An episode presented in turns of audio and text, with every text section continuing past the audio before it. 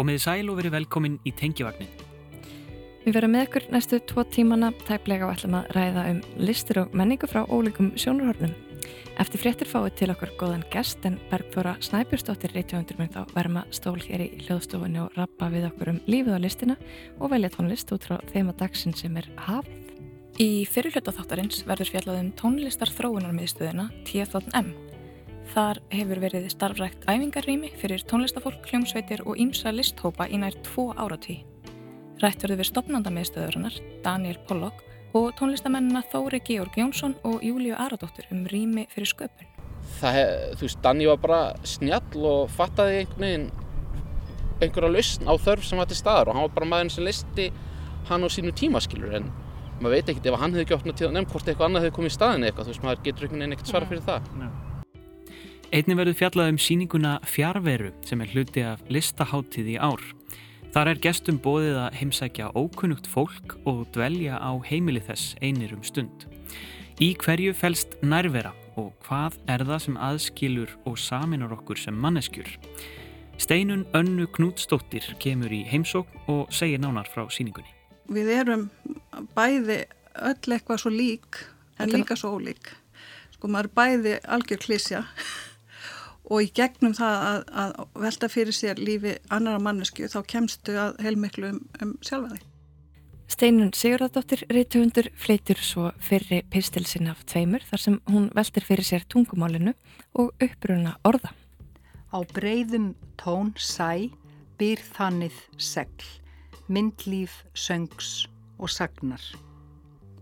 Tón sær, það myndi ég kalla fínasta orð og byr þannig segl gæti sem best verið úr hómeskviðum eftir Sveinbjörn Egilson. En við byrjum út á Granda.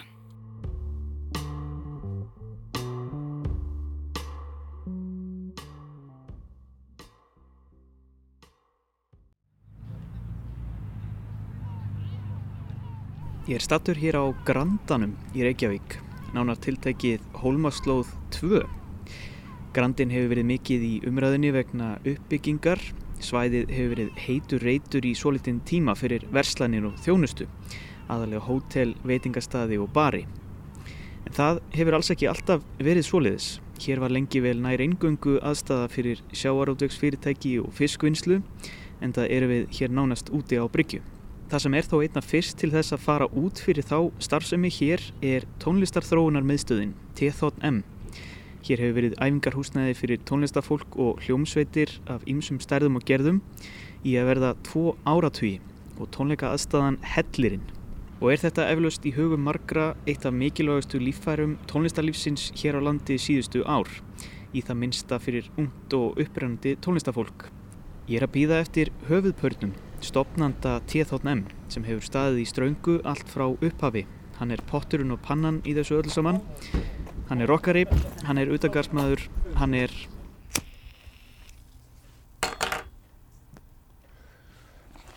Já, góðan daginn, ég heiti Daniel Pollock. Í kvöldan á að fara á stóra sviði að ferðar bara á fyrsta klassa Hvað er ég að byrja? T.N.M. Um, þetta byrjaði í rauninni árað 2000 í rauninni og þegar ég flutti hérna um, segja 99 og það vandæði bara æfingahúsnæði fyrir hljómsveitum. Ekkert hefur breyst, ég hef búin að vera erlendist í bandaríum svona 12 ár. Og kemur tilbaka nákvæmlega sama ásæði, það er bara ekkert til staðar. Bara geimslur eða eitthvað svona kjartaði þannig bara auðvist þetta blás og ég fekk blás nefnum að það var einum á stórt fyrir mig. Það var nóg stórt fyrir svona tíu hljómsveitir upp í breyturóti þannig að bakvið Jabís sem var þarna og, mm. og þetta var bara you know, næst í 20 á síðan sko. þetta var bara bakvið þarna upp í Brauturótti og, og, og Skipból og þetta fylltist bara strax og fólk bara var alltaf bara að ringja, ringja, ringja við byggjum plás, plás, plás og enda með því að ég byggt bara til listi og það var komið í svona 120-130 hljómsýrið sem vandaði æfingahúsnæðin þannig ég fór bara að spyrja um þetta og tala við fólk og að það gera og hann Þór Eldon sem var í Sigumónum, hann saði bara við mig bara í svona fyrirbræði eða whatever það, ég skil ekki af hverju hljómsveitin bara kom bara saman og kaupa eitthvað. Það kom bara höfminn sko. Ok, er hérna rekstur grunnfallar fyrir svona hérna? Og deltar bara sama ok, mann þurfti að vera með ákvæðin mörg hljómsveiti til þess að hafa einhverju upphæð. Mm -hmm. Og svo líka bara borgin koma þessu líka og það, mér fannst þetta að vera bara svona félagsmál þeir eru sinna alls konar öðrum íþróttir og þetta er svona jáðar íþrótta ykkur dagi mm -hmm. Þetta er stærra heldur en það sem var í brautarholtinu og, og, hérna, Já, og, og þið hefur gert alls konar svona, eh, þið hefur samt gert einhverja breytingar eða ekki á húsnæðinu? Mm, jú, við gerum það. það þannig brautarholtið það var svona 50-60 fermetra eitthvað svoðis. Mm. Við dróðum tíu hljómsveitir inn í það Já. og þetta hérna er eitthvað svona, ja, tefnilega 1400 fermetra og þannig að, jú, við þurftum að smíða allt. Þannig að alla félagsmenn hérna sem eru fleira þúsund í gegnum allar þessu tíma ja. allar þessu pening sem eru lækinn þeir nota það til að byggja þetta upp þetta er fyrsta áran á sko mm um, og það er bara stór framkvæmt það var bara tón geimur hérna. Það var ekki neitt. Ja.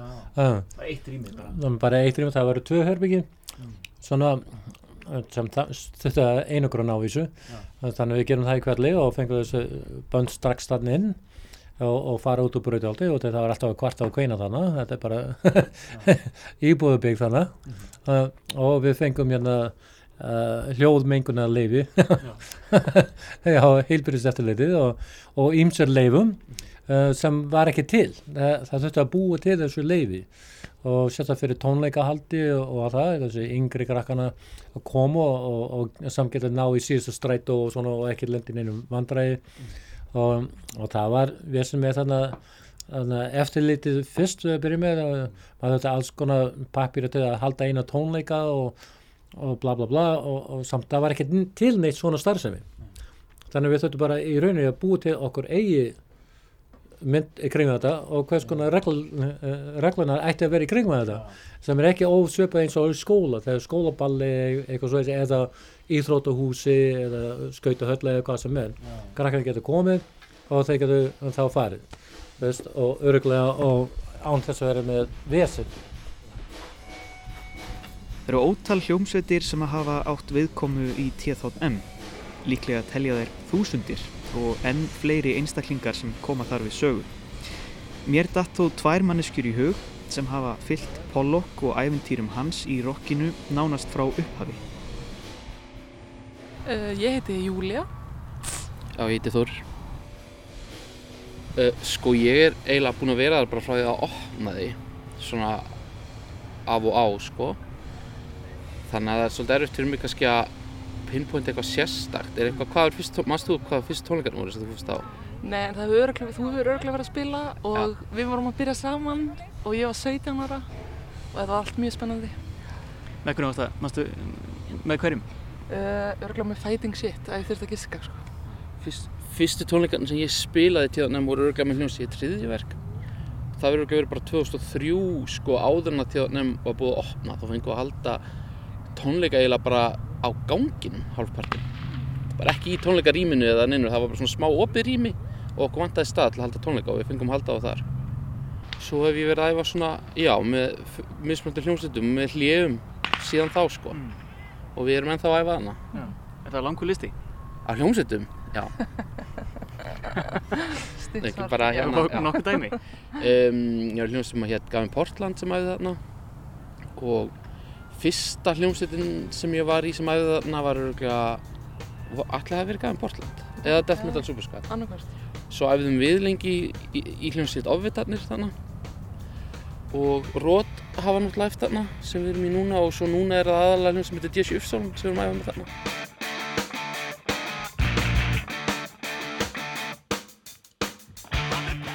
Náttúrulega þegar að tíða nefnum opnar er rosa stór svona döðarokksbylgja á, á hérna Ísland, í Reykjavík sem að rosa mikið af því liðið er núna í þessum black metal hljómsveitum sem að sá náttúrulega mikið af þeim hljómsveitum sem voru æfað hana, uh, hérna Momentum hérna þetta sræn núna þeir héttu hvað Gone Postal æfðu þarna og Já, eiginlega bara allt, þú veist, það var hljómsið með Diabolus sem var í gangi sem ég minnir af eftir hana líka. Þetta var eiginlega bara rosa mikið Metal, að, já, fyrst voru þetta rosa mikið, þá var það svona það sem var í gangi, sko. Já. Svona sem ég fylgdist með og tengdist, sko. En síðan hafa alltaf verið sko alls konar hópar, þú veist, það hafa verið já. bara svona bara einhverju vinir að spila saman sem er ekkert endilega að koma frá tónleikum. Þú veist, heldur bara eitthvað svona hittast einu sinni í viku og taka nokkuð lög og Já. Já, líka, af því að tíðanum hefur verið svona aðgengilegra heldur en margir staðir. Já. Og ég minna framan af, þú veist, ég man til að byrja með, þú veist, þá voru leikhópa, var allavega einn leikhópur sem sett upp leiksýningu þarna og það var ým- hefur ímislegt verið gert, sko. Þá var það í rauninni, þá voru tveir salir. Það var sérst hellirinn og svo annar salir fyrir aftan hellirinn sem er nú búið að breyta í æfingarými. Og var svona minnisalur og hann var notaður fyrir svona öðruvísi uppákomur heldur en einhverja háværa rocktónleika. Þú veist, fyrst voru alveg þrjú eða fjögur svolítið svona stór opinrými sem að hefur síðan verið að fylla upp í með æfingarýmum, svona hægt og rólega, sko, hérna um árin. og líka með svona minni herbyggi, eins og trommuherbyggi, þú veist, sem er ekki eiginlega æfingarhúsna, heldur bara fyrir einstaklega sem eiginlega, þú veist, bara æfa sig á trommur. Þa, þar var um tíma anarkista bókasafnið og einhver svona önnur starfsemi. Já.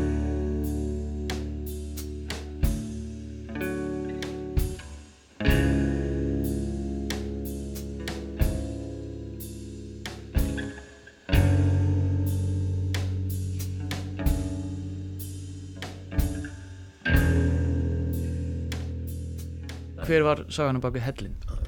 Og það var hinu helming af húsnæðinu. Já. Við fengum það aðeins síðar og það var svona 2005. Við fengum hérna afgangan af húsinu og það var ákvæðið bara búið til þessu tónleika rými og samt að undan þá kom hérna leikfélagi hérna háskólans. Þeir voru hérna með uh, leikfélagi uh, uh, nokkra ár, svona þrjú ára eitthvað svoðis. Þannig að þeir leiðu þetta svæðið þarna. Og samt við vorum með tónleikasalinn og svo þessu plástum við leiksvæði var með. Og á þessu tíma þá var miklu meira svona metal í gangi og hardcore. Og, og það var mikið áhundurinn líka. Það var bara mikið sena í gangi á þeim tíman það var 2005, 6, 7 já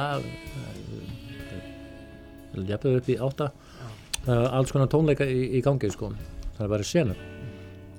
Og svo minga þetta og það breytist þetta er bara eins og eðlægt er. Það er tónlistastefnum breytast og að það gera. Eh, og líka uh, mikið af þessu skemmtastæði sem böndum voru að spila á voru bara rifin. Bara sviðið tekið í burtu. Þannig að það er bara umöðveitt að fyrir mikið þessu krökkum að bara svepa eins og óbrann munu bara að fara. Gamla bjó, farin. Það hverkist það til að vera með þetta listamenn í rauninni. Og það er það sem gerist og í rauninni um, eitthvað neina uh, borgin ímsaðalega hefur í rauninni bara skita á sig í samband við menninguna tónlistamenninguna og performance arts. Uh, með þetta að breyta borginni og þessi fjárfestar og allt það að gera. Um, en það vantar staðir til að fólk geta spilað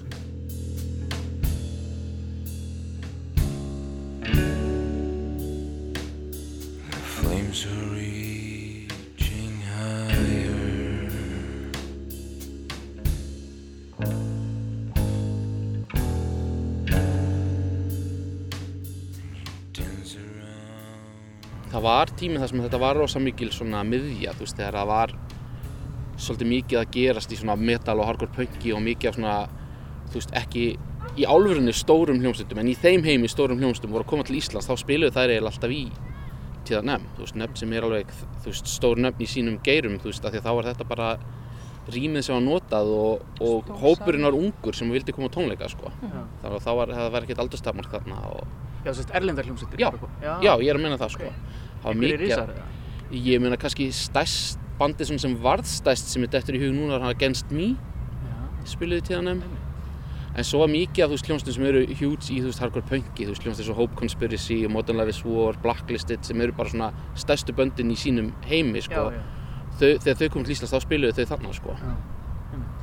En Júlia, þú varst að fara þarna sérst, á tónleika bara áður en að hellirinn kemur og, og þú veist, ert þú þá í hljómsveitum líka eða ertu bara að sækja í þetta? Já, ég sko byrjaði ekki að spila í hljómsveitum fyrir en ég var orðin eitthvað 20 og, og veist, 5 ára eða eitthvað. Þannig að framan að var ég alltaf bara gestur og þú veist, maður regnaði stúkislega mikið af vinum sem sóttu í tónleika þarna, þannig að þetta var líka bara svona félagsmiðstöð einhverju leiti og þú veist, fólk að koma með alls konar pólitískan, þú veist, áráður eða pólitísk skrif og það voru, þú veist, plötubúðið með distró og það var einhvern veginn bara ótrúlega mikið alls konar í gangi. Þannig að ég var bara að koma að hitta vinum mín að fara tónleika, sko. Mm. Væri eitthvað hægt að þú veist s- svona einhvern veginn setja fingur á það hvað, hvað það er sem að svona, ég svona dregur úr kannski starfseminni öllitið? Ég veit alveg hvað það er, hvað svona okkar samfélag var þar. Fólk var bara eldra og tónleikar færðist á bari. Þá nefndi fólk ekki einhvern veginn, eða þú veist, það var ekki lengur, veist, stemningin að fara eitthvað út á Granda, þú veist, kljóðan 5 á sunnudegi, þú veist, fólk vildi bara, þú veist, fara á gauginni eða eitthvað, skiljur. Veist, það er svolítið mikið sem gerist í svona okkar senu. Og svo núna er náttúrulega rosa mikið gróska hjá yngra fólki í gangi en þau eru bara komið með sín einn staði, R6013 og Andrými og svona, þú veist, þannig að þau eru ekki að leita í T&M eins og kannski yngra fólk gerði þá, sko. Æfa kannski síður það líka og svona.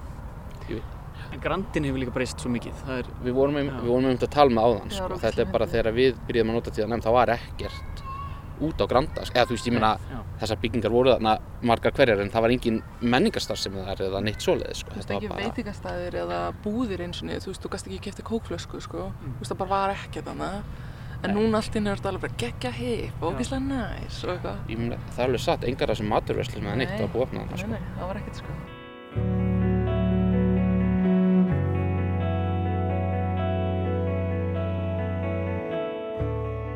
Grandin er búin að vera í mikilli uppbyggingu og svona kannski bara uppsveiflu. Það er mikið, hérna, ég- mikið svona... Mjög svo, ég, ég, ég kíkti hérna á þessu stæði hérna 2002 Já. það var þetta bara í rúst hérna, allt sama hérna allt í niður nýslu, allar þessu byggingar brotnar úr eh, bara ónýtt húsnæði í rauninni Já. um, og samt við, þegar við tókum út af þessu húsi hérna þá það var að skipta um þakkið og, og, og laga glugga og allt það gera þannig að það var svona fókælt þannig að, að maður hefur séð mikið breyting hérna um, bara allt þetta menninga uppbyggingu hérna. Það það er bara það, hvað segja, það er eins og séðustæði eða gravity, what's the word for gravity in Iceland? Þingdarafl. þingdarafl þingdaraflin var hérna grandinn og það er bara listamenn bara komin að sjá þetta byrja að leita að það vildi ekki vera þannig við ártúni eða nei svo leiðis þannig að það eru upptökustúdíó hérna, það er leikfélagi hérna, það eru Hollywood klippistúdíó hérna, það eru videoklippistúdíó hérna, alls konar hlutir og En hefur þetta haft eh, mikil áhrif á sko, starfsemina hér? Öll öll þessi breyting og, og svona, þú veist, öll þessi starfsemi sem Já, er það á- má segja, við vorum fyrstir hérna Já. þannig ég segi, já, cool við erum like a mini black hole við bara, að, við bara draga þetta menningu hérna að okkur hérna Já.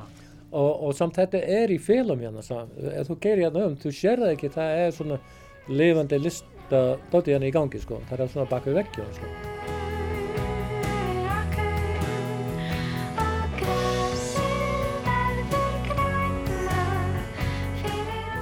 Þú veist, ég er ekki að segja að það sé ekki hjálp í svona stofnunum því að auðvitað er gríðarlega mikil hjálp í svona stofnunum en mér finnst alltaf þessi svona umræða um þú veist, hvort að þær hafi breytt þú veist, tónlistarsögu Íslands svolítið, þú veist, það er eiginlega ekki takt að segja það, skiljum af því að T&M hefði heldur aldrei getið orðið T&M ef að þörfin hefði ekki verið til staðar og einhvern veginn það hef, þú veist, Danni var bara snjall og fattaði einhvern veginn einhverja lausn á þörf sem var til staðar og hann var bara maðurinn sem listi hann á sínu tíma skilur en maður veit ekkert ef hann hefði ekki opnað til nefn hvort eitthvað annað hefði komið í staðin eitthvað þú veist maður getur einhvern veginn ekkert svara fyrir það Nei.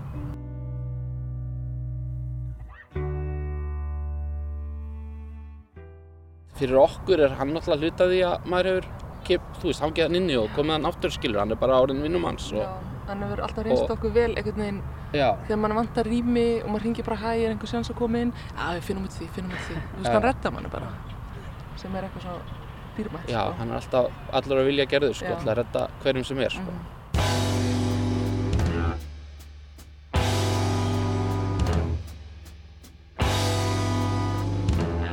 Hvernig sérðu fyrir þér bara framhaldið og framtíðina?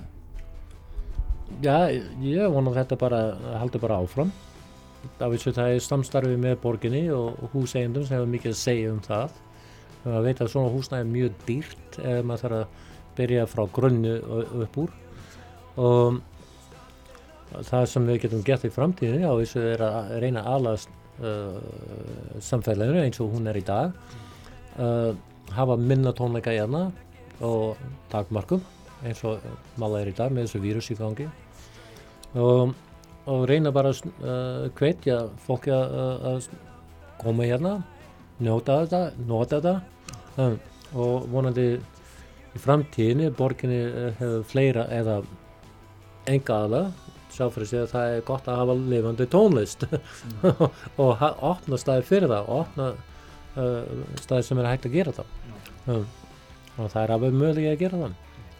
Öllu þessu félagsmenn sem við verið í allan þegar þetta er nú að þakka sér sjáum og ég þakka þeim líka að nota staðin um, og, og halda fannum að gera það og, og þessu staði verið allan svo lengi þeir þurfa að æfa. Um, og borginn kemur að þessu og, og þessu enga alveg sjá fyrir sig að þetta er gott dæmi fyrir þá líka. Um, þannig að ég ætla bara að þakka alla félagsmennum fyrir. Hmm. Ég segi bara takk fyrir spjallið og, og gangið vel og megi bara nefn lifa áfram. Já, yeah, viva rock'n'roll There is a crack in my foundation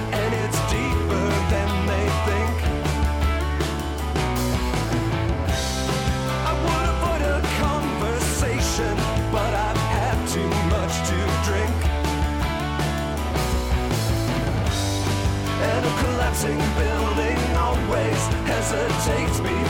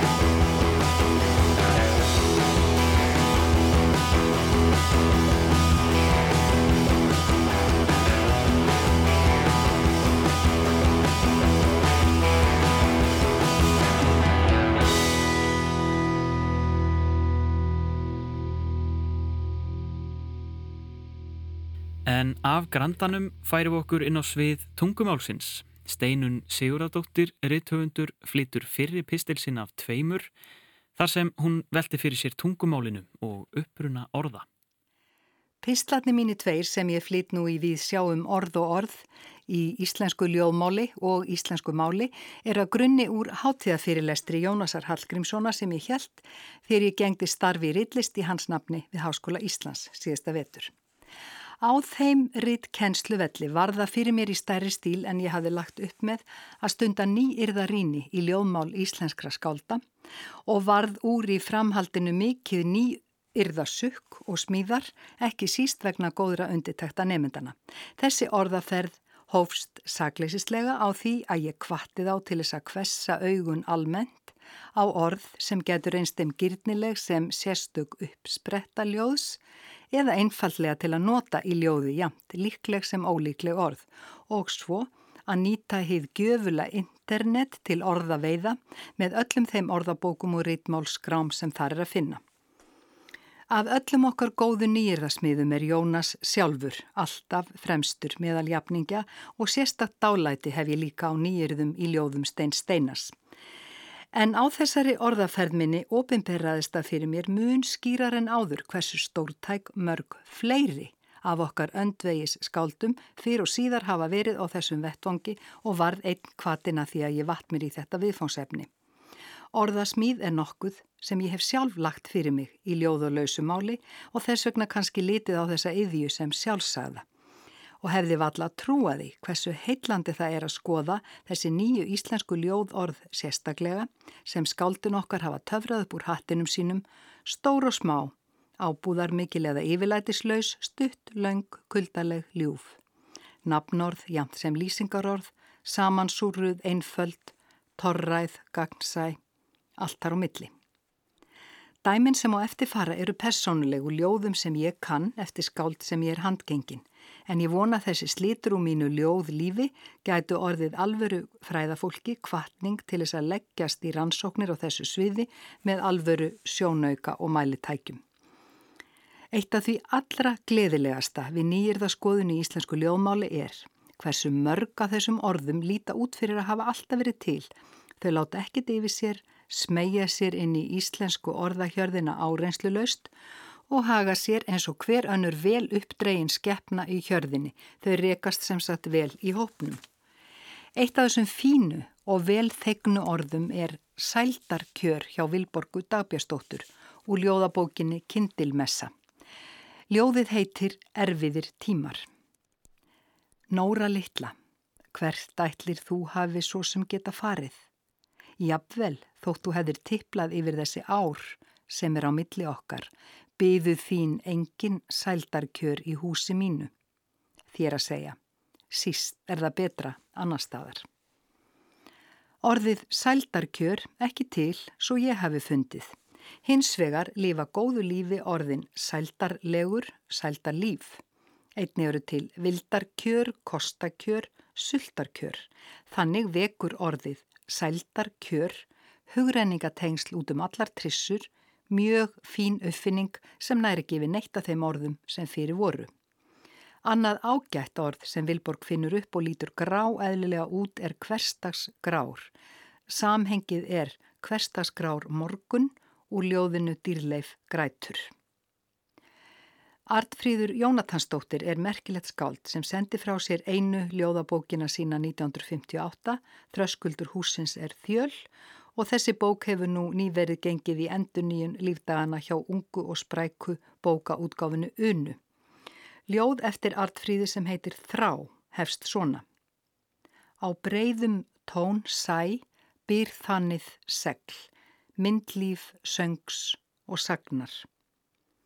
Tón sær, það myndi ég kalla fínasta orð og byr þannið segl gæti sem best verið úr hómeskviðum eftir Sveinbjörn Egilson en orðið byr þannin finn ég ekki í orðabók. Svo er það látlausa orðið myndlíf sem lítur út eins og sjálfsagt mál að það hafi alltaf verið til, nú ef ekki að það hefði alltaf átt að vera til eitt af þessum látlausu indis orðum sem skáldin hafa skapað. Og Artfríður nær fram fleiri tónum á sínum strengjum. Hér kemur krassand og frumlegt orð með gusti. Orðið reik spór úr ljóðinu Þú vitjar mín. Fer hann snuðrandi reik spórum, svo hljóðar ein ljóðlínan. Vel líst mér á þetta orð, reik spór og samsetningin snuðrandi reiksporum ekki á allra skálda færi, frumleg mynd sem að sér ekkert neginn sterklega fyrir sér. Ég ætla að skuttla mér stuttlega á heimavöll og blanda mínum eigin orðum í ný ljóðmálið. Kveikjan er svo að veri var að þýða ljóðabókina mína hugástir svo ég þurfti að taka hana til handagags. Svo ég beri nú hér niður í borg lífsmýns, Reykjavík, ég fann sem sagt upp nokkur orðum þessa elsku borg. Það er jú þannig að þeim var í vesteri unni mest og á það jamtuðum borgir og ástmenn. Í ljóðabalknum Brotnar borgir er að finna orðið Raglandaborg og hún er meira að segja andvöguljós. Súljóðlína hljóða svona. Borg óbærilegrar byrtu, andvöku ljós. Og Vestlings Reykjavíkin fær á sig fleira. Kófdrykkjuborgin, Glerbrótanáman. Hún er þar að auki loftpressu borg. Já, hugsa sér, þá þegar, í þessu aldarfjörðums gamla ljóði. Áður en við komum að Jónasar orðum og Steins orðum mætti minna á það sem Konráð Gíslason skrifaði um frjósemi íslenskra tungu, tilvitnun hefst. Það er alkunnugt hvað hægt er að búa til ný orða á íslensku, bæði samfellinga og alls konar nýgjörfinga. Og hvað er það sem heimsbyggingarnir þurfa mest á að halda til að geta komið orðum að því sem þeir hugsa? Er það ekki ný orð, handa nýjum hugmyndum?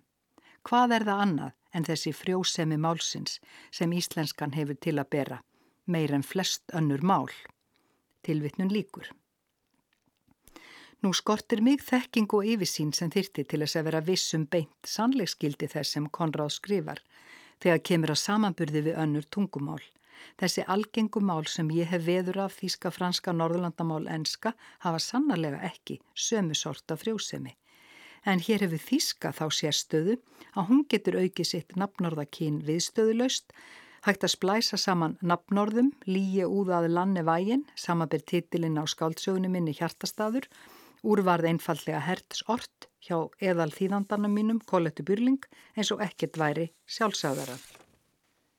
En þar til annars sannast ætla ég að halda mig við kenningu meistara Konráðs og hafa fyrir satt að Íslenskt mál hafi þennan sérstaka eiginleika umfram önnur tungumál sem við höfum veður af á byggðu bóli að geta auki kynsitt með ýmsum hætti út um allar trissur og þá ekki síst út um allar ljóðatrissur. Mér langar að beina sjónum að einu okkar frægasta ljóði, Sorg, eftir Jóhann Sigur Jónsson um Jónas Hallgrímsson.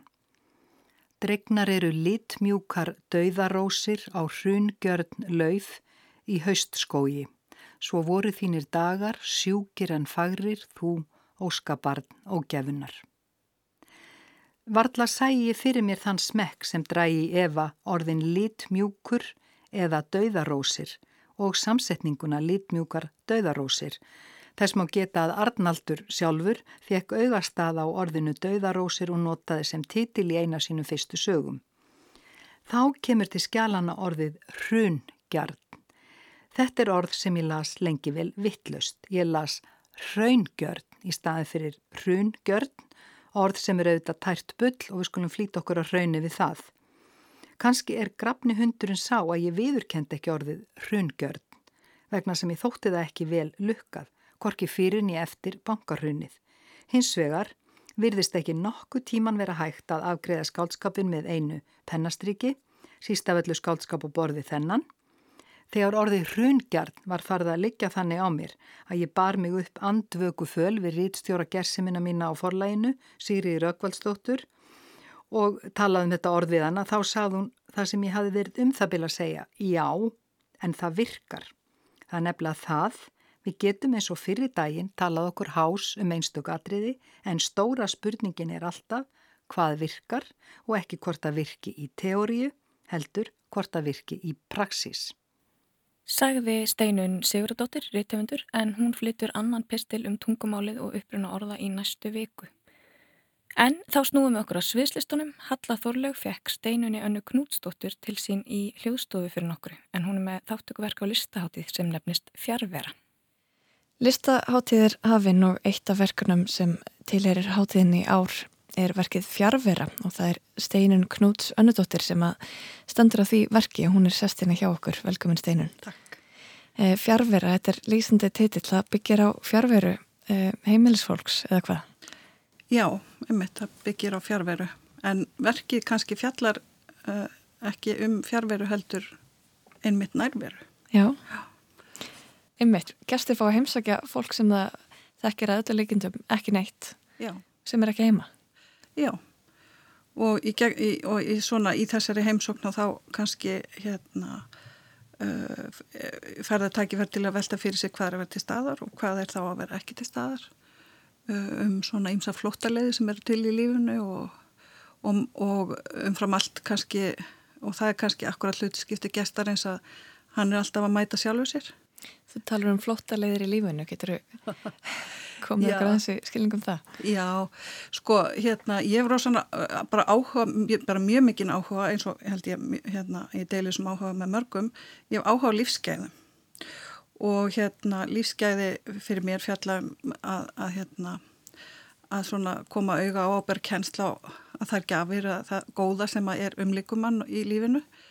En það er sko, það er einhvern veginn svona kannski tendensi á okkur öllum að, að hérna þegar við stöndum frammi fyrir ykkur sem að er, að, þú veist, áskorun eða að, að það, hérna, þá fer maður akkurat að hérna, forðast að verði staðar og þá finnir maður sér ímsalega til þess að flýja og það eru sko svo mýmargar aðferðirnar og hérna það sem við þekkjum náttúrulega best er kannski hvers konar fíkn, þú veist að maður fer, fer í hérna fer í eitthvað ástand sem að fjallega mann því sem að sko raunverulega er og, og við getum svona, já, fíknin og getur Uh, byrst sko á, ímsa vegu. Við getum líka að tala um samfélagsmiðla eða allt þetta sem er að hrifs okkur frá, frá því að vera til bara í holdinu hér og nú og, og sjá og skinni beita skilningavitunum og, um, og hvernig nálgastu þessa hugsun uh, með því að ég sko, við getum kannski aðeins líst verkinu nánar, ekki það að við ætlum að, að afhjúpa það algjörlega. En þetta er sem sagt þannig að þetta er þáttökuverk og það er ein, þáttakandi einu sem að fær þá aðgang eða sem að fær eh, heimboð til fólks. Eh, og er þar í hálftíma einsýnsliðs og fylgir einhverjum fyrirmælum. Já, hérna gestgefin hefur skil eftir bref og í brefinu er gestgefin þá að deila svona ymsu með gestinum það eru svona glefsur að brot úr lífi fólksins sem að býr á heimilinu og svona ákveðna vangaveltur að spurningar. Og gestur með bóðið að framkvæma stundum að, að framkvæma eitthvað eh, sem er gert á heimilinu uh, og, og gesturinn líka bóðið að velta fyrir sér hlutum eða skoða, hérna, taka eftir. En, og það er nú eins og ég sagði áðan að, að hérna þetta er kannski ekki það sem að maður heldur þetta fjalli þá um fólki sem að er uh, heimilsfólki það, þetta fer náttúrulega bara fjalla um gestin. Og hérna og við erum bæði öll eitthvað svo lík en líka svo ólík.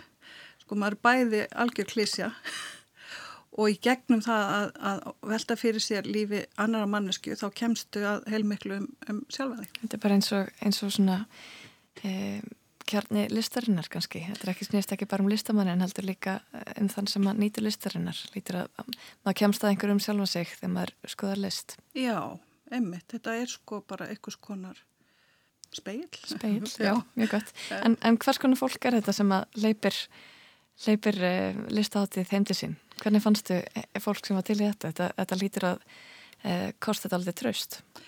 Já, ég var bara ótrúlega heppin, heppin með að finna hérna svona örlátt og, og opið fólk.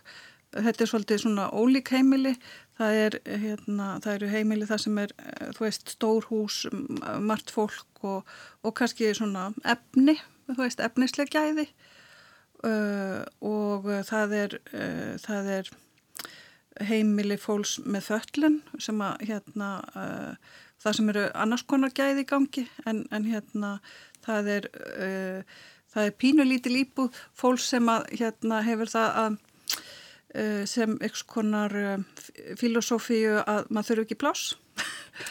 Uh, og við erum að tala um fólk frá ennum öðru menningarheimi eða svona, já, pólstheimili sem sagt.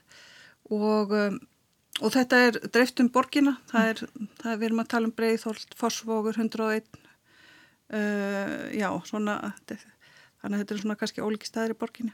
En þrátt fyrir að þú segir að, að verki fjall ekki um þá sem búa þarna, þá lítur samt upplifun gestana að mótast einhverju leiti af heimilinu þótt að þeir sé að skoða sjálfa sig. Já, jú, auðvita og þetta fjalla líka, ég meina, nú er eh, þema listaháttíðar heimar þetta fjalla náttúrulega um þessa ólíku heima sem við lifum í og við höldum kannski að allir lifi í sama heimi og við en það er náttúrulega bara alls ekki þannig og en um leið þá vil ég samt halda áfram að tala um að þegar þú mætir öðrum heimi mm. að þá, þú veist, verð, gerist eitthvað með þína heimsmynd, þú veist, annarkort breytist hún uh, eða, þú veist, þetta, þetta er alltaf einhvers konar uh, núningur, Núningur, sko. einmitt. Um, en þetta verk fjárvera er hluti af doktorsverkefni þínu, ekki satt? Jú, já, ég er sérst nýbyrjuð í doktorsnámi og hérna þetta er svona list, listrannsókn, þannig að þetta er listrætt doktor.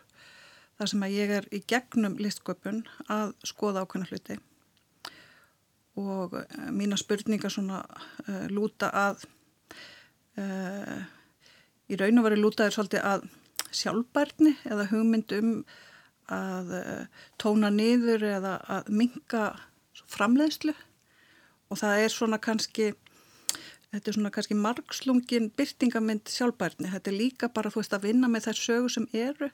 Ég er ekki að búa neitt til, ég er ekki að búa til neitt neina auka afurð.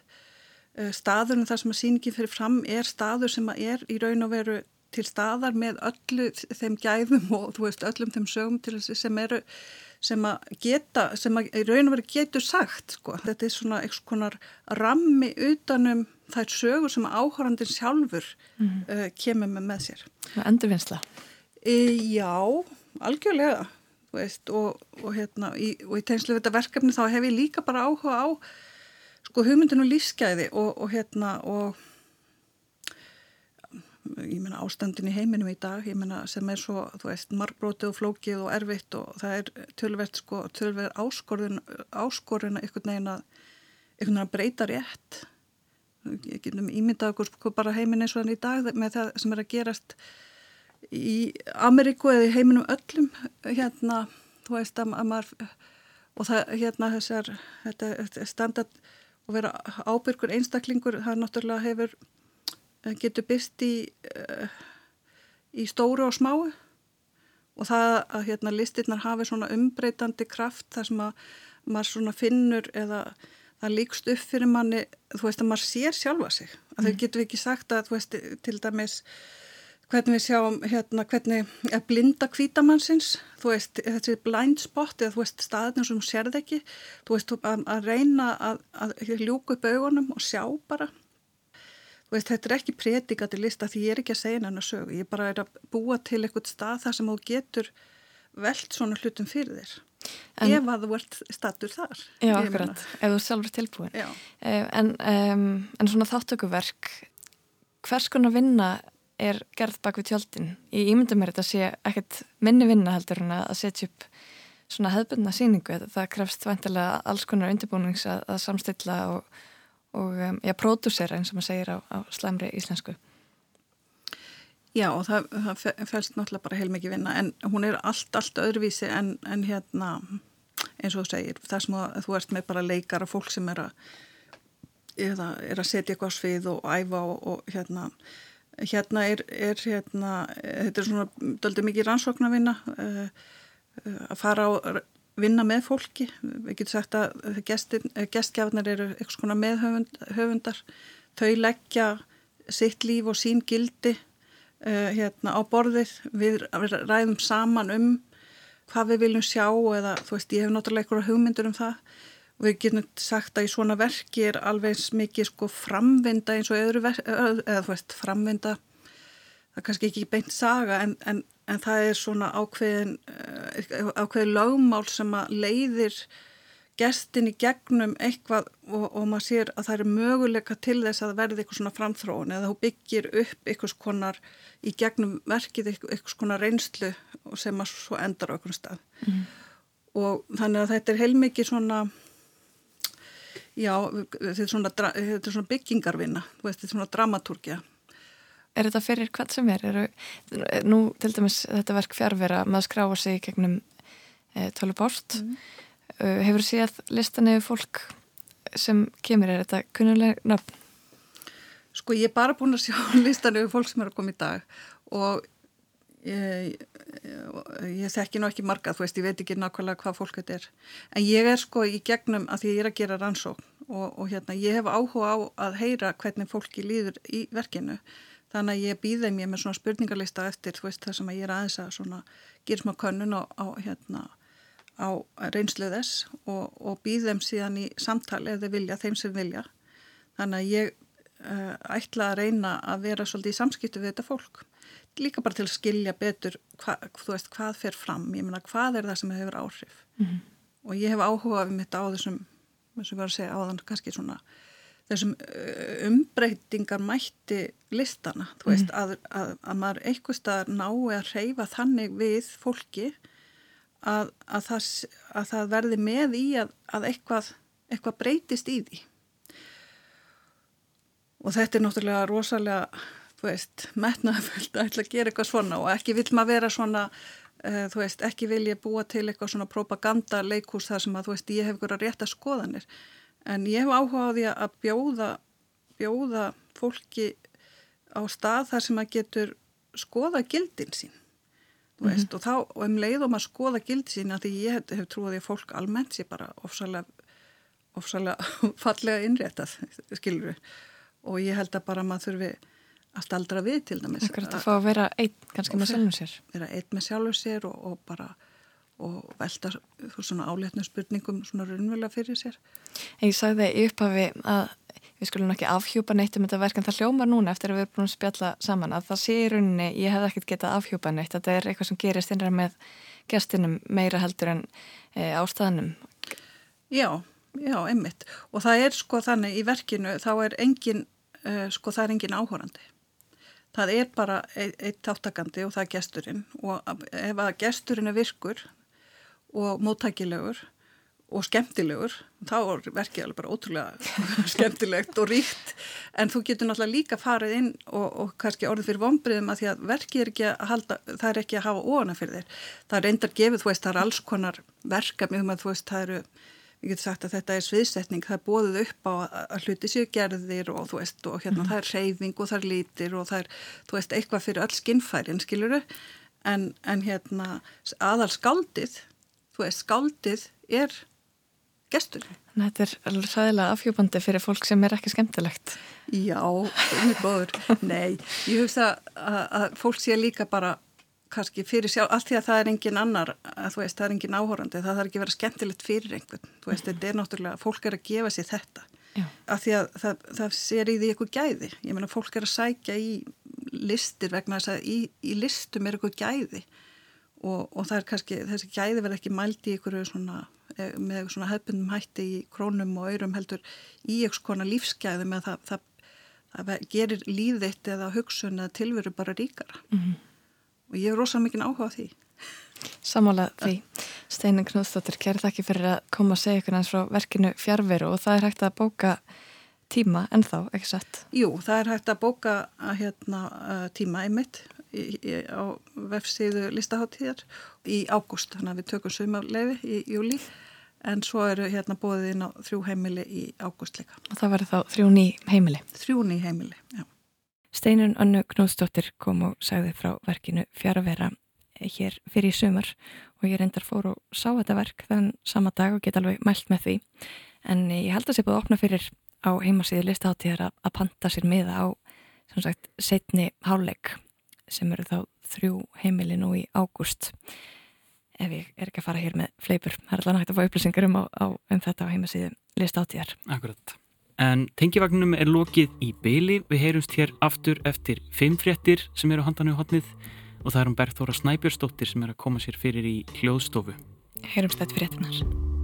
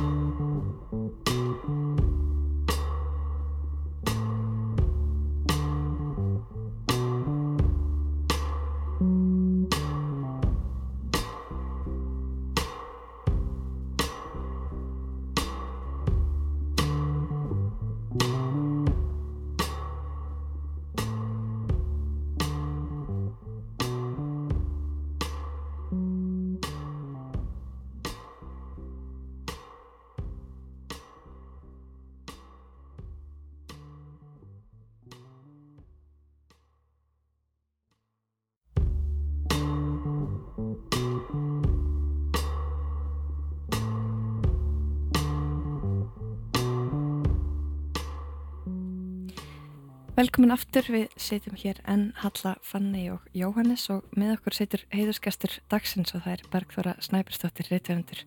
Velkomin til okkar, Bergþóra. Takk fyrir og takk fyrir að, bjóða mér að vera var Minn er heiðurinn. Nei, okkar er heiðurinn. Eh, Við völdum þema í sammenningu og þema dagsins er hafið. Já, emmitt. Hvernig byrtist það þér þegar, þegar við tilkynntum eða lögum það til? Já, mér fannst það í rauninni ótrúlega fullkomið og hérna, sko, sjálf er ég alveg upp alveg inn í landi og alltaf verið bara frekar hrætt við sjóin. Hvað er þetta alveg upp? E, grafningi, hérna, hérna, e, það er, já, hérna fyrir austan fjall í rauninni. E, Við Þingvelli? Já, ummitt, grímsnir og grafningar.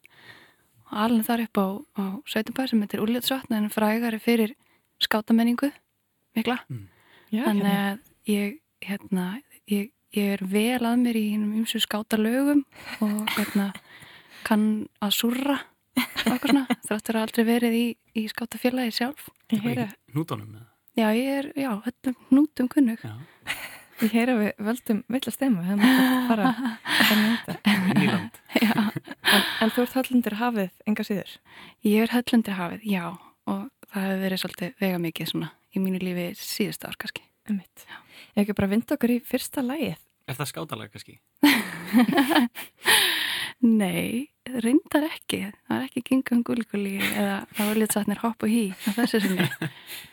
Það er hérna, þetta er lag með Súkat og eitt af mínum uppáhaldslögum er Súkat og mér Súkat er svona hljómsveit sem maður hlustar á þegar lífið er svona pínu ömurlegt en það er samt að raunverulega ekkert að, ekkert svona stórt en það er allt svona pínu glata og ég var mjög mikið að hlusta á þetta í, í hérna COVID fárunni þá einhvern veginn voru við að hlusta á Súkat bara stöðut. Það er vant en það venst. Já, og versnar. Við skulum heyra lægið eh, Jóhann.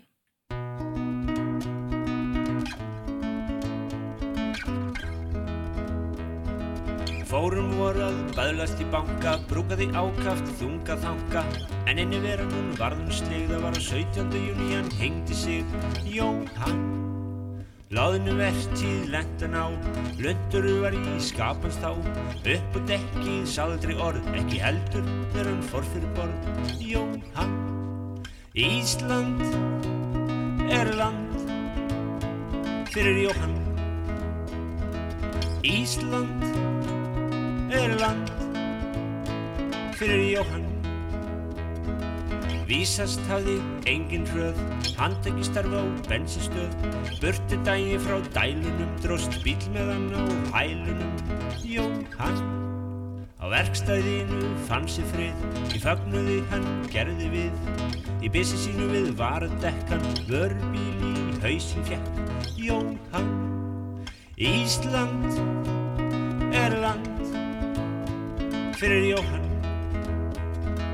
Ísland er land fyrir Jóhann. Var búinn að leita mjög og lengi líkt og títerum slíka drengi út um allt og upp á fjöllinu svo endanum þau átamtröðin Jóhann. Einu gullna hliðið Jóhann gekk, gólaði svo águð fjekk og sagði að væri engin vandi að vinna sig upp af Íslandi Jóhann Ísland er land fyrir Jóhann Ísland er land fyrir Jóhann Ísland er land fyrir Jóhann. Það var svolítið svona niðurdrefandi texti. Já, fór að lónu vertið og fjall fyrir borð. Já, og fór, fór ansi illa fyrir hann nokkur sinnum. Já, já, hann um mitt voru að gera öðru bíl og, og hérna, en svo endan á að hingja sig 17. júni. Akkurat. E, um hvað fjallar þetta lag? Sko, mér finnst það bara að vera svona, hérna, mér langar að segja quintessential, ég reyna að finna betra, ég reyna að finna íslenskt orðið yfir það, bara svona, svona akkurat Ísland, einhvern veginn, svona verið að gera snú upp á það, svona en íslenski kallmaður sem er svolítið óhamingi samur og svona reyna að finna sinn stað. Um mitt. Ísland í nótskurn. Ísland í nótskurn. Það er kannski ekkert kjarna. En e, já, svona í, í húmor getur, já. Einmitt. Það er nú skemmtileg tenging við, við þetta lag af því að við vorum að fjalla um tíðatotnæm áðan í þættinum áðan og þá, sem sagt, uh, mér skilst að Súkat hafi verið að æfa í tíðatotnæm um. Ekasi þannig að það er, það er tenging hérna. Það er tenging á milli Já. þáttana, akkurat. En hérna, af því að þú varst að tala um eh, hann fór á sjó, þú ert sjómannsfrú. Ég er kona í landi mér að segja núna. Þú ert kona í landi, þetta Já. er, mér finnst þetta svo merkilegt sko í samtímanum. Hvernig er að vera sjómannsfrú í samtímanum? Það er sko, já, sko ég get náttúrulega alltaf heyrt í honum á Messenger þannig að það er kannski eitthvað sem að var ekki. En þetta er sko, hann fer sem sagt uh, að uh, vestan er með bát sem að hann gerir út þar, bara svona lítinn með vini sínum. Og hann ætlaði hérna að vera að sigla með túrista í sumar en einmitt, svo gerist allir hann, hann fór að, að sigla með fisk í staðinn.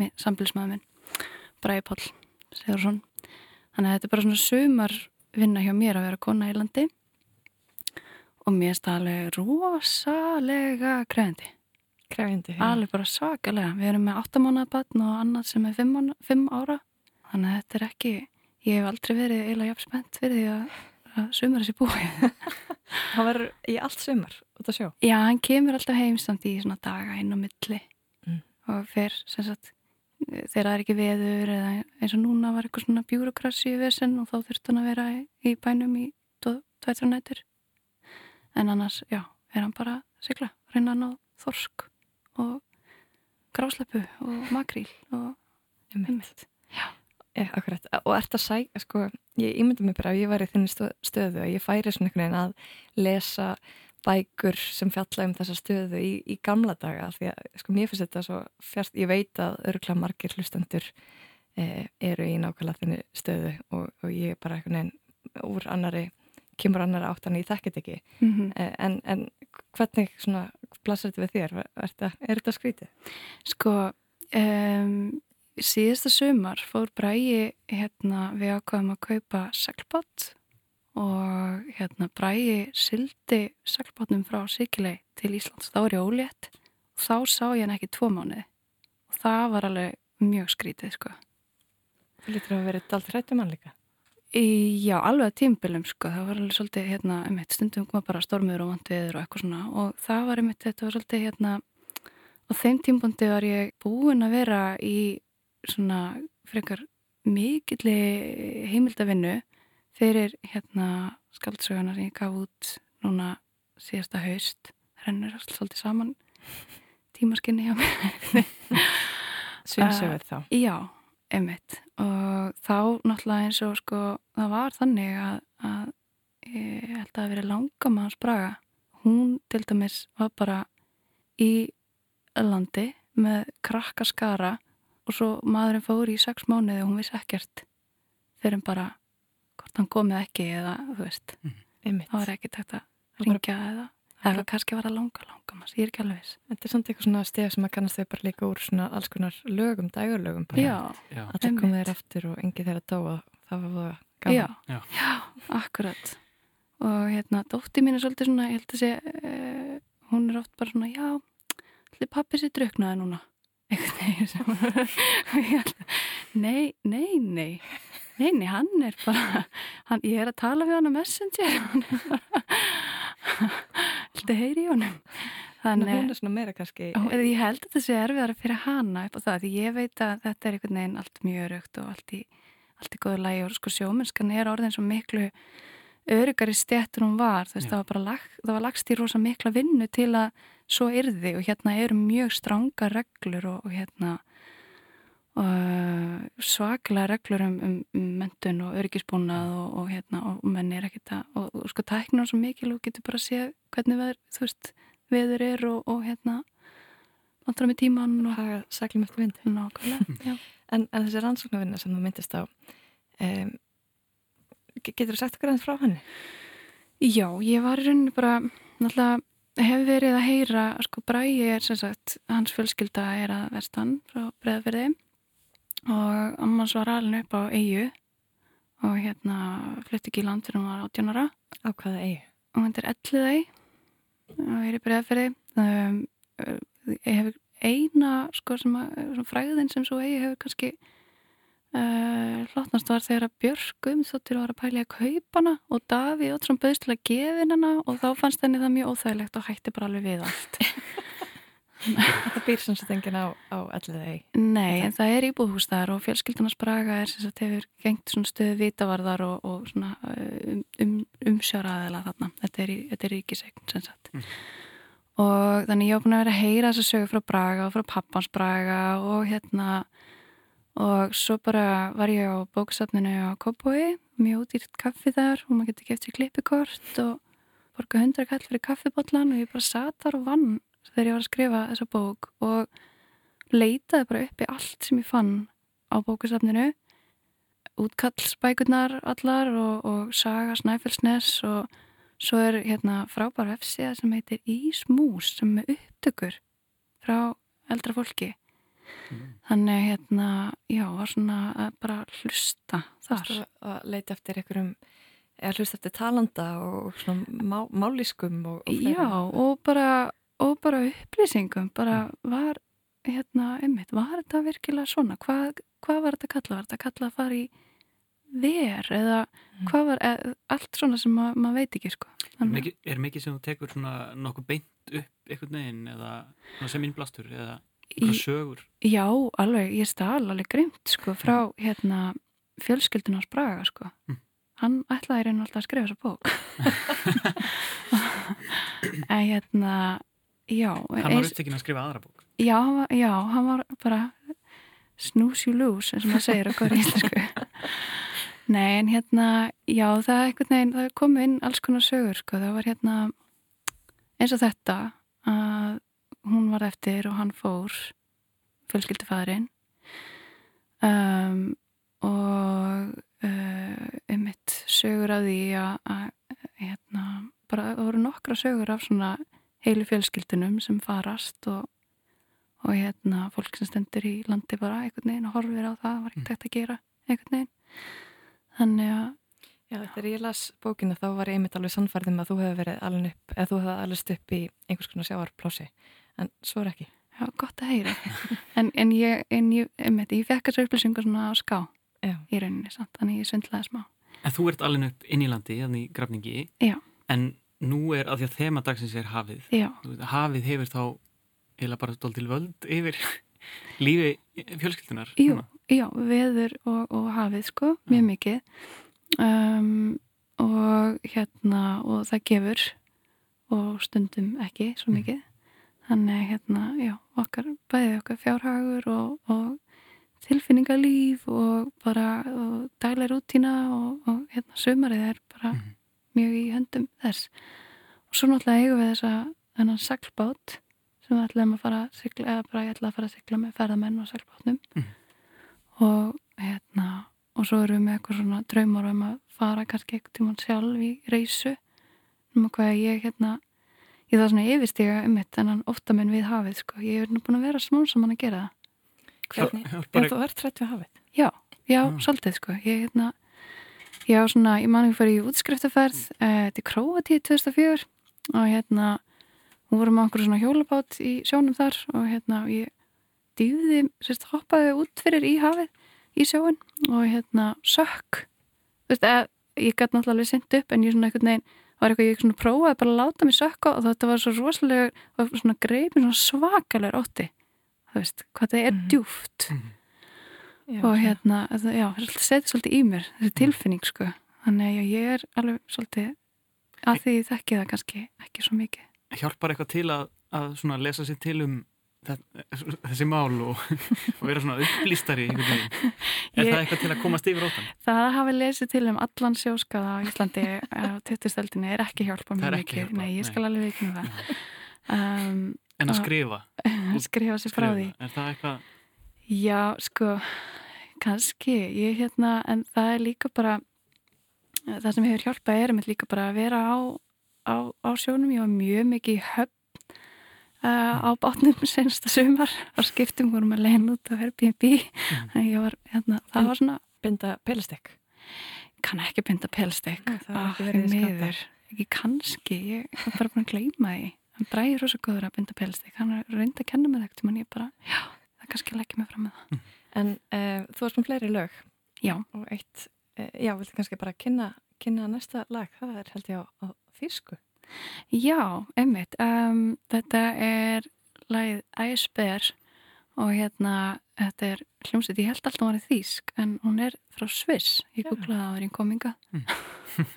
og þetta var lag sem ég hlustaði mig mikið á þegar ég bjó í Þýsklandi og fjallar um að ísbjörnir gráti ekki og hvað það sé gott örgulega að vera ísbjörn og norður skauti jarðar og hérna þá þurfum maður ekki lengur að öskra er textinn svona grálega.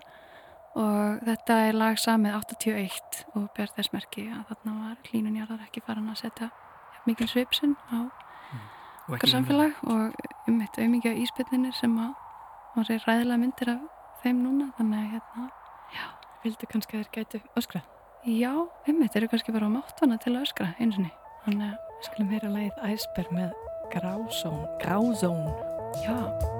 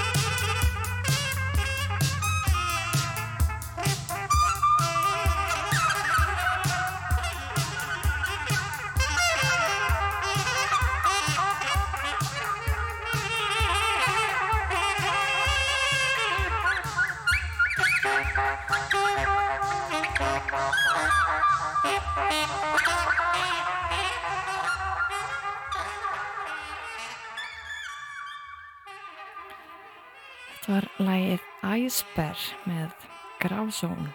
Ísbyrnir, Ísbjörn. Já, já, Ísbjörn. Og, og þetta lag hlustaður á, á Þísklands árunum Já, svona meðal, meðal annara. Og hérna, einmitt, datt svolítið inn í svona þýst póspunk og, og hérna, já, það var rosa skemmtileg tími. Hvernig varst þið Þísklandi? Það var uh, 2011 til 2013 var ég í Þísklandi og hérna fóð bara heima því ég fekk rosa reikning frá skattinum ætlaði að vinna eitt sumar og fara svo aftur út. Og svo bara var ég rosa ástfangin og hérna manni sem heiti Jón, nei tjók hérna manni sem ég er með í dag sérsagt og það var ekki Jóhann sem að það var Jóhann. nei hérna já. Um, og ákvaða að klára reyðlistagráðuna mína líka og bara já stopnaði fjölskyldu og ílendist. Já þú ætlaði aftur til Þískland Já.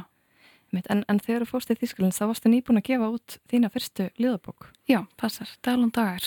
Dalum dagar. Já, Sigur Pálsson var e, að rittstýrinni eða mm. hjálp með með hana og, og hérna og, og rosa svona ég bara, já, það er rosa mikil mótandi áhrif á mig og eina sem ég hlítunum ekki með var titillin samt á liðabókinni hann var, hann var alveg ræðilegu titill.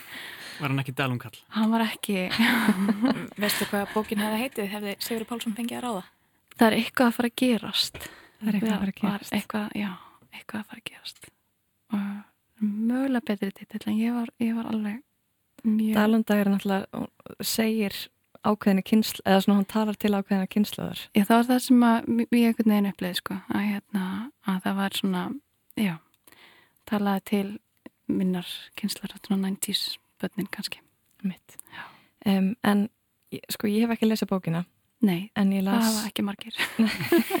Ég sé sem það er ákvæmt að kaupa hana á netinu. Ha, já, ok, einmitt. ég á líka örgla svona 31 tök heima þannig að okay. ég bara hafið samband. Þú far kannski nokkur sem til eftir þetta uh, en ég tók, ég las hérna uh, dóm, eða svona umfyllinu eftir Úlfildi Dagstóttur sem að byrtist á bókmyndaborginni, VF bókmyndaborgar og tek þarna eftir um, að þar er persóna sem heitir Herra Lee.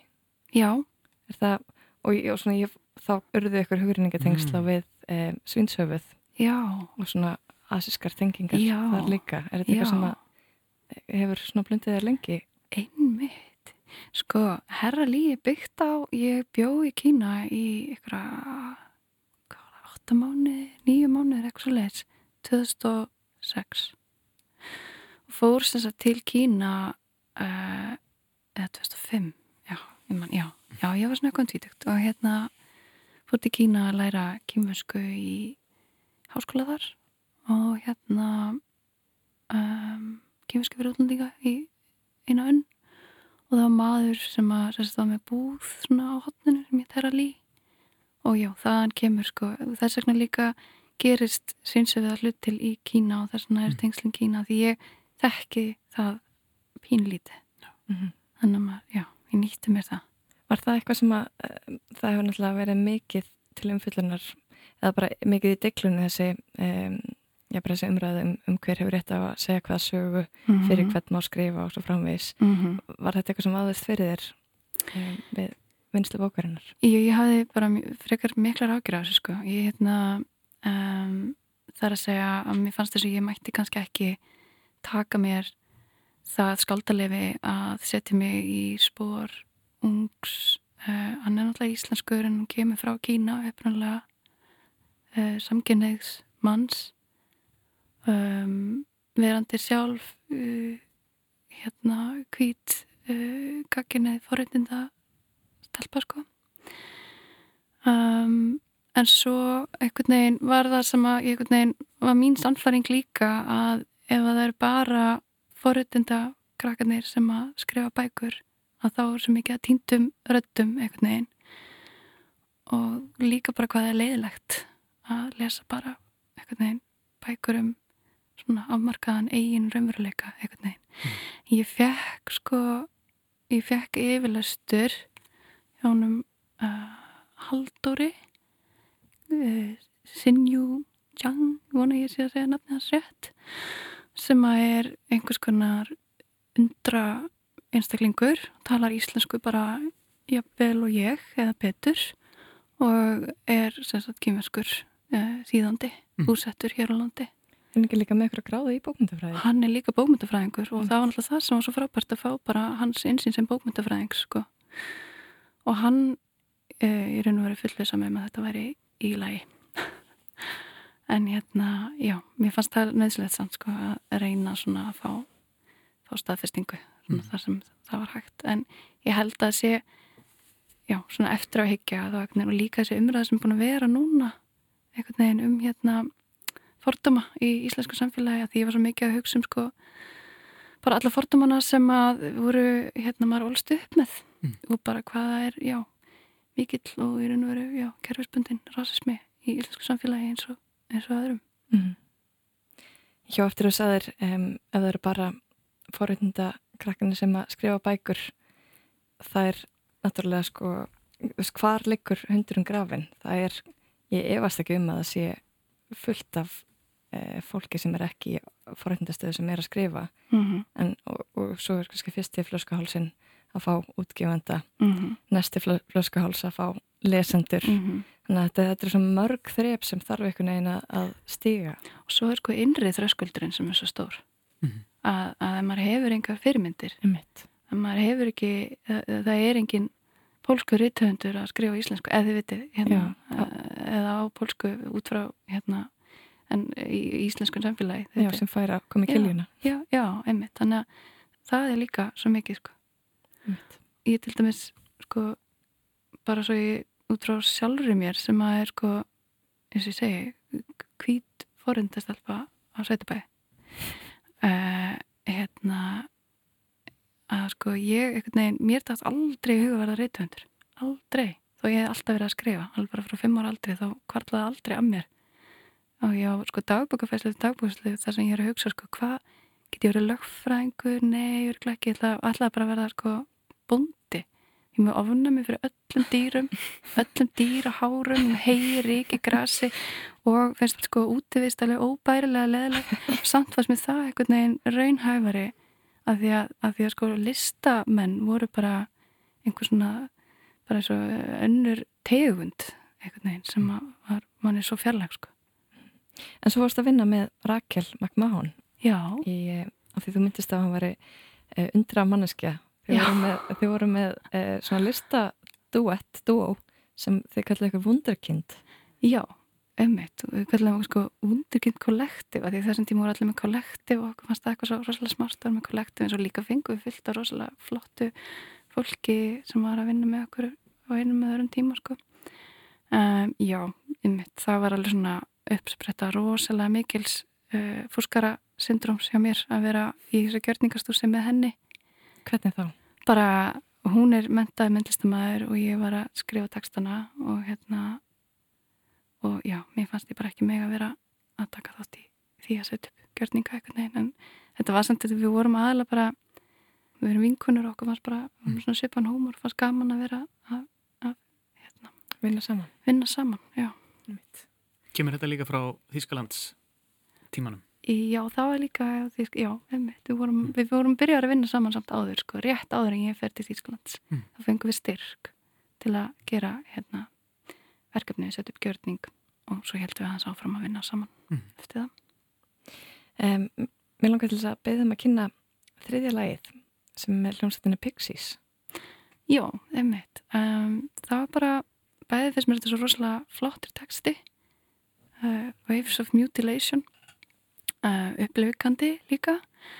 Um, en hérna, þetta er svona, ég bjóð Selforsi uh, hjá ömmu minni þegar ég var úlingur og var í mentaskóla þar í FSU Selforsi og hlustaði brjálaðislega mikið á Pixies og alveg rosalega þung fast allt. Og, og svona var svo gott að hlusta Pixies gelgjunni mitt Waves of Mutilation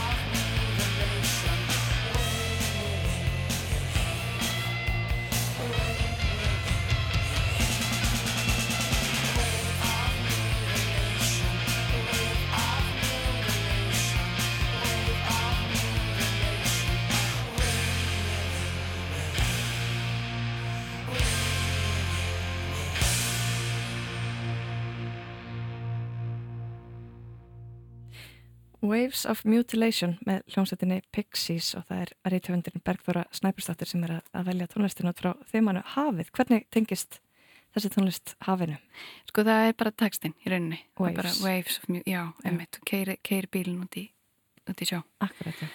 Um, já, og bara músík sem að ég kann að metta. Ég fór endar sko, ég var rosal, ég var og er svona, ég er kallharður Pixies aðdáðandi á mínum yngri árum Svo fór ég að sjá þau á tónleikum 2000 og ég menn ekki hvernig var 2004 eða eitthvað í Kafleikríka og það var svo það var svo, var svo leiðilegt það voru svo, svo leiðilegi tónleikar og ég var svo sára, ég hef hægt að hlusta Pixies í svolítið langa tíma. Mm -hmm. en þetta var eitthvað svona maður gæti fengið þess að kraftverk komið líka. Já. það voru bara held ég eini best tónleikar sem ég færði á. Ég var á þeim líka, það var oh ótrúlega Þeir voru brjálæðislega skemmtilegir. Mm. En það er oft svona gamla hljómsveitir maður einhvern veginn er meira að, að sko dyrkar einhvern veginn ímyndina og, og söguna og romantíkina bak við það. Og svo sér maður hljómsdina og þá kannski svona afhjúpa staðins Þá er þau bara búin að spila saman í 20 ára og útrúlega leið og allum svona lögum og er að rífa stimpilis og er bara býð eftir þetta sér búið. Komið nýtt fólk inn og Já, og... einmitt. Og það er alveg skiljanlegt, ég get séð það núna sko. Mm -hmm. skilja bara mjög vel. Við töluðum að þessum um, áðan um, um þetta að vera utangars Já. En það er svolítið sem þú hefur verið að skoða í, í þínum bókum líka, bæði, eða ég myndi segja það svona utanfrá sig, ég veit svo mikið alveg hvað þú vorst að hugsa þegar þú skrifa þér, en svona það er, þú ert að fjalla allavega um í, í svinshöfði, þá er aðalpersonan svinshöfð, svolítið mm -hmm. utakars í sínu samfélagi og svo Flórida líka mm -hmm. um konu sem er svolítið svona utangars. Er þetta eitthvað sem að þú svona, blundar sérstaklega í þér? Já, ætli það ekki. Þetta er ekki eitthvað svona markmið, þú veist, ég sest ekki niður og er eitthvað, hérna, já, já, nú ætlum ég að taka þetta fyrir og kanna það og, og kafa í það og, og eitthvað svo leiðis. Heldur er þetta bara eitthvað sem kemur eitthvað neginn og kannski eitthvað sem að, hérna, ég áhuga á, eins og ég segi, verið svolítið svona, maður skoðar bara samfélagi sem maður var alast upp í. Þú veist, þessu réttindi transfólks sem svo frábært að er einhvern veginn loksins aðeins að, að hérna að ná einhverjum árangri en er samt rosalega langt í land sko. Og hérna um, veist, þegar maður var krakki að horfa hemma Gunn og, og Anna Kristjáns var að koma í, í viðtal. Þetta er svona sena sem að eitthvað, bara glemin aldrei.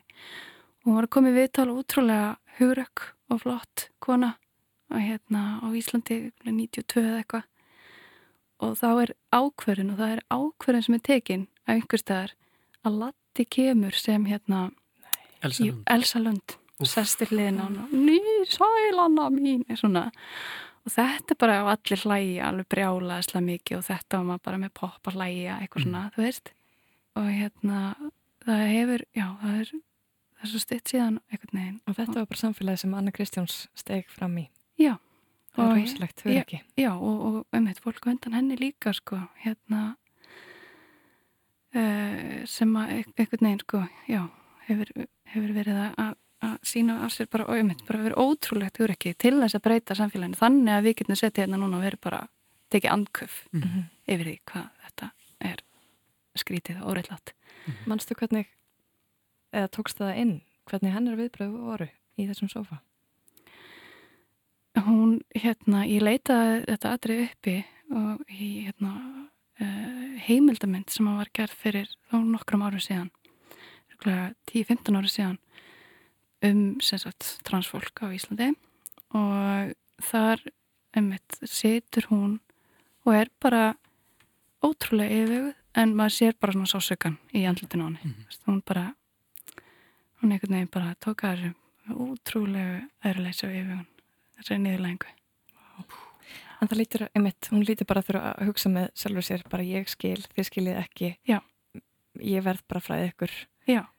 Hún tekur sér það hlutverkir. Hún fórnar mm. sér í rauninni, mm. þannig sko, og hérna, um, já, þannig að það er einhvern veginn þessi, já, ég veit ekki, mér finnst það þessi, sko, sálsöki sem fylgir í að vera utan, utan garðs, mér finnst það ótrúlegt, en ég veit ekki, svo held ég líka að flestir kannski upplifiði sig veist, á einhverjum tímpunkti utangarðs eða að maður getur verið einmannað þó maður sé í hópa fólki og þá fyrir bara eftir hver maður er stattur í, á sínu ferðalagi hverju sinni sko. þannig hérna, Já, mitt. Pixies tímabilið í, í lífi hvers manns. Já, eða portisett. en þú talandi um, um, um það og, og svona, eh, já, bara ekki talandi um það, bara svona, ég heyri bara hvernig þú talar um þetta, eh, að þú ert að velta fyrir þér svona sálrænum, eh, sálrænu hliðina, hliðina á þessu. Þú ert með bachelorgráði í sálfræði. Já, einmitt. Hefur það hjálpað þér eða kannski haft áhrif að þig í, í listsköpuninni?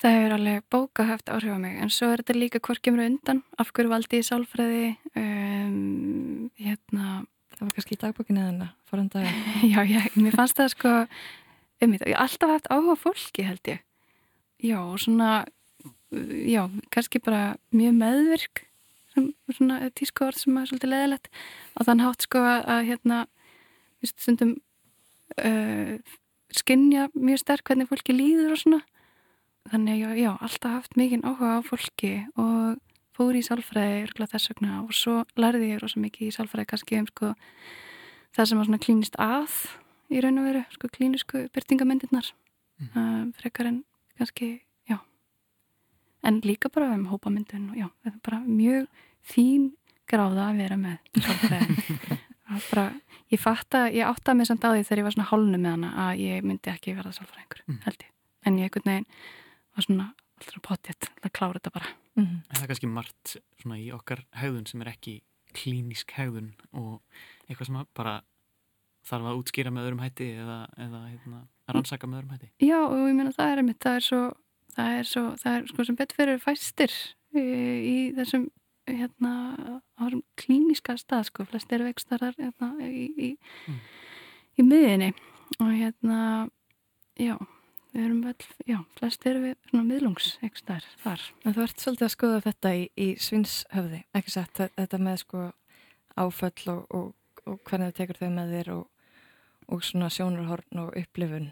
Jú, ummitt, uh, alls konar áhugaverða pælingar sem hafa verið að koma fram með áföll og hvort áföll erfist og ef svo er guðminn góður, bara ekkert okkar á séns. um, Nei, en já, og hérna, mér finnst það mjög áhugavert og hérna líka um eitt hópamyndun og, og bara hvernig vennlegt fólk svona sínir af sér grimd. Ég veit sjálf einhvern veginn, æ þú veist, þegar, maður er bann og, og það eru svona aðvik sem að setja mér þar sem ég síndi öðrum bönnum grimd einhvern veginn sem að bara, kannski er ég alltaf að reyna að skrifa mig frá því, það ekki. Akkurat, já, þú ert einmitt þetta með sko hvað er ílska og hvaðan sprettur hún? Já. E Eru við ekki öll einhver staðar bara að reyna að komast af og reyna að vinna með það sem okkar var kent það sem við, svona okkar e, sjálfsbjörgar viðleitni príst fram á svo óleika vegu Jú, með okkar fyrirmyndir og, og svo er maður með, kannski fólk er með alls konar tryggara líka og hérna uh, verður brjálaðislega reitt af því að það upplifir óöryggi og mhm. óta mm -hmm. og, og hérna og gerir eitthvað til að valda öðrum skada á, á þeim tímbúndi og réttlættir að svo með afnitun og hérna Einmitt, en, en svo kemur það sko svo komum við að þessu með ábyrðina einhvers það er hljótt við samt að þurfa að taka ábyrð og hvernig, hvernig gerum við það? Já, það er nefnilega það er nefnilega hérna, sko þó maður getur sett sér í spóranara og hérna uh, og maður getur séð veist, það eru brotin bönn að baki fólki sem er að beita ábeldi að þá verður maður að taka ábyrða sjálf sér sem fullurundum einstakling og hérna ber ábyrð einhvern veginn að koma þessu ekki áfram sko, keðjan verður að stoppa einhverstaðar. En, en fullurund einstaklingur sem er með svona langa sögu, kannski langa áfallasögu mm -hmm um, þetta bara að taka ábyrð hlítur um, að byggjast á því að bara sjá að það sé eitthvað að. Er ekki bara algengasta vandamáli bara afnættinu Jú og, og kannski ymmit og algjör skortur á sjálfsinsægi sko og afnættun og þú veist það er rosalega erfitt að ætla að segja kannski við eitthvað sem er fættur árið 1935 þú vart bara að fara til sálfræðings þú veist mm -hmm. hérna Er ekki líka erfitt að segja það bara við hvert bara við hvert sem er? Já, kannski ég ekki það, ég er alltaf að segja við fólk, þú þarf bara að fara til sálfrængs nei, ekki gera það. Um, nei, en það er það er erfitt að segja það. Það, og fólk er ennþá, ég, sko, vonandi alltaf í minna mælu og útrúlega goða fréttur um þetta þegar ég fara að setja sálfræðþjónustu inn í sjúkratringar að því að hérna vonandi einhvern veginn fær fólk bara í auknum mæli og allir að, að, að, hérna, að nýta sér það í að fá samtalsmeðferð og læra einhvern veginn að bera kennsla og hugsanir og líðan og fá að svona sjá, sjálfa sig aðeins minna svarkviti ljósi kannski. Það er allan að vaksandi í svona uppeldismálum, það er mikið, mikið talað um tilfinningar og það verður að gefa bækur þar sem að er lögð mikið áherslu á að, að tala um, um alls konar tilfinningar við börn. Akkurat, þú beðast afsökunar, það strax sé mm. eitthvað svona sem er virkið breyting, eitthvað sem maður var ekki, ég man ekki eftir hann það verið beðin afsökunar þegar maður var uh, krakki 1990 Já. Eða kannski börn krafin um afsökunir en, en þær kom aldrei frá fullorna fólki. Nei, fullorna fólk var ekki beðast beða börn afsökunar. Nefnitt. En talandum börn, það var eitt lag eftir. Já. Það er leikungabáturinn. Já, efmitt Jóko Ono. Um, Já, þetta er bara mista frábær plata. Um, sem hún var að vinna með alls konar listamönnum. Um, og ég bara er alltaf að taka þessa plöti aftur fram og hlusta á hana og var svo glöð að ég gætt neitt eh, eitt læði til að vera að hluta þessu þema í rauninni sem er hafið. Ég skal hlusta að læði Boat með Yoko Ono. I'm waiting for a boat to help me out of here. Mm -hmm. Waiting for a boat to help me out. The boat that reached my shore was a toy boat waiting for a boat to help me out. I'm dreaming of a lake I've never seen before. Mm-hmm. Dreaming of a lake I've never seen. The lake I've seen last was a picture lake. Mm-hmm. Dreaming of a lake I've never seen.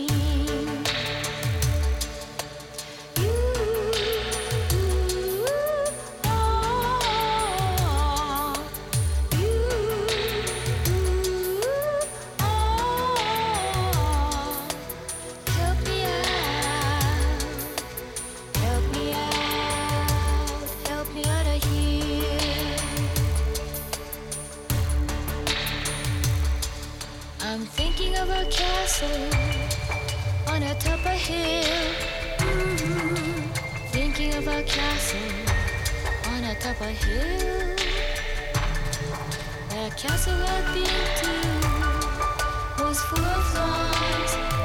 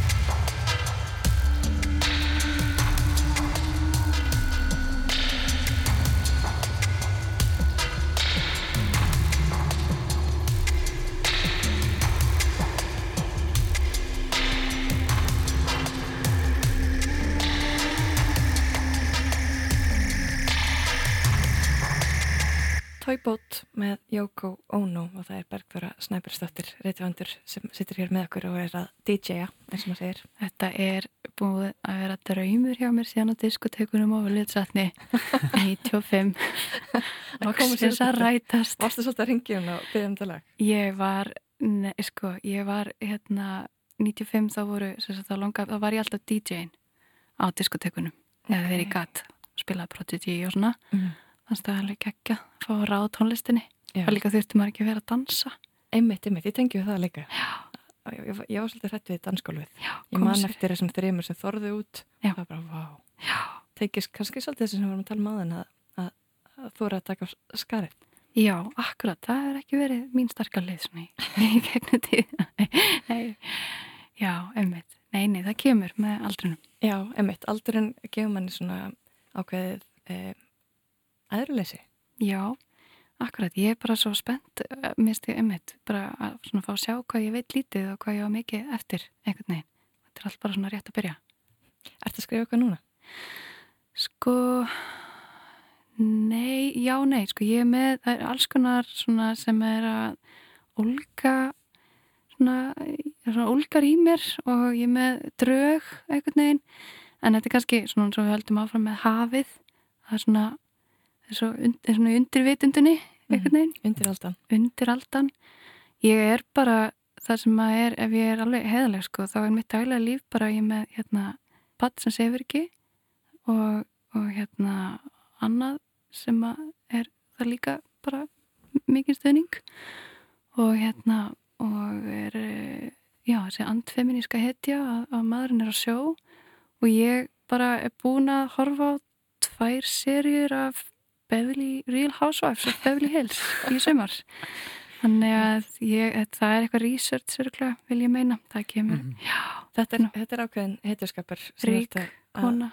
Já, einmitt, þú ert að segja framsaldið og afhjúpa hugmyndina um rítvöndin já, hvað, ég, ég allavega er einmitt, mikil smá borgari Ég hef vonað okkur svona húsmaðurna á Arnænisinu skaldsögu? Það er ekki slæm hugmynd, ég geti stólið því bara, veit? Já, akkurat. En, en skaldsöguðin Svínsöfu slá allavega rækilega í gegn í fyrra. Já. Og ég hugsa að hlustundur séu örgla spenntir að, að heyra eða sjá þig fylgja henni eftir. Já, takk fyrir það. Það er bara, mér finnst ég bara útrúlega heppin og hérna emmitt. Já, bara útrúlega heppin hvað henni var vel tekið mjög glöð með það mm. og pínu stress. Kannski er þetta að koma fyrstu skáldsögu og, og sláða gegn og einmitt. kannski bara betra að, að leggja áraður bát. Nei, nei. já, ég er svona verið að pæli hérna. ég hveti ekki til þess. Þú ert alls ekki með nei, nei, nei, ég, þetta er eitthvað svona ég, er alveg, ég var á lengi að eins og, eins og ég var að segja, ég var lengi að koma mér að þessari ákvörðin og er ennþá svona femið að kalla mér reytöfund og, og ég veit ekki hvort það er eitthvað eitthvað svona eitthvað eitthvað, eitthvað stelpan þið veitu, eða mm. hérna að, að já, en ég er alveg ákveðin núna að ég ætla alltaf, alltaf áfram. Mér langar svo að spyrja, þetta er, þetta er hættilega að gera þetta svona alveg á síðustu mínúndunum af því að þættinum fyrir að ljóka, mér langar svo aðeins að spyrja það því ég veit að þú gafst fyrstu bókinu þinu út hjá bókaforlæginu Úturdúr sem var svona höfundareikið forlag Já, jú Það var stóra frettir í dag. Eh, Forlægið selt Til Storytel? Já, 70% forlagsins. Emmett. Hver er svona þín viðbröð?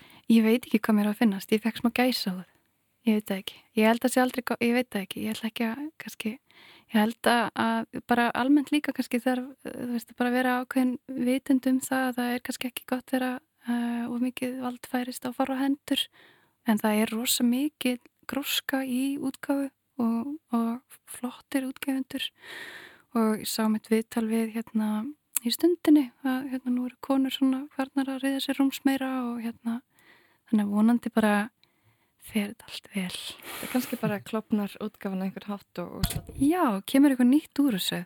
Tapnar á ólika við. Það gæti verið, maður veit aldrei og hérna og einmitt, breytingar eru okkvæðlegar en það geta verið henni góða, það geta líka verið bara ræðlar þannig að það, bara, það kemur í ljós. Býðum bara með undan halsin. Já.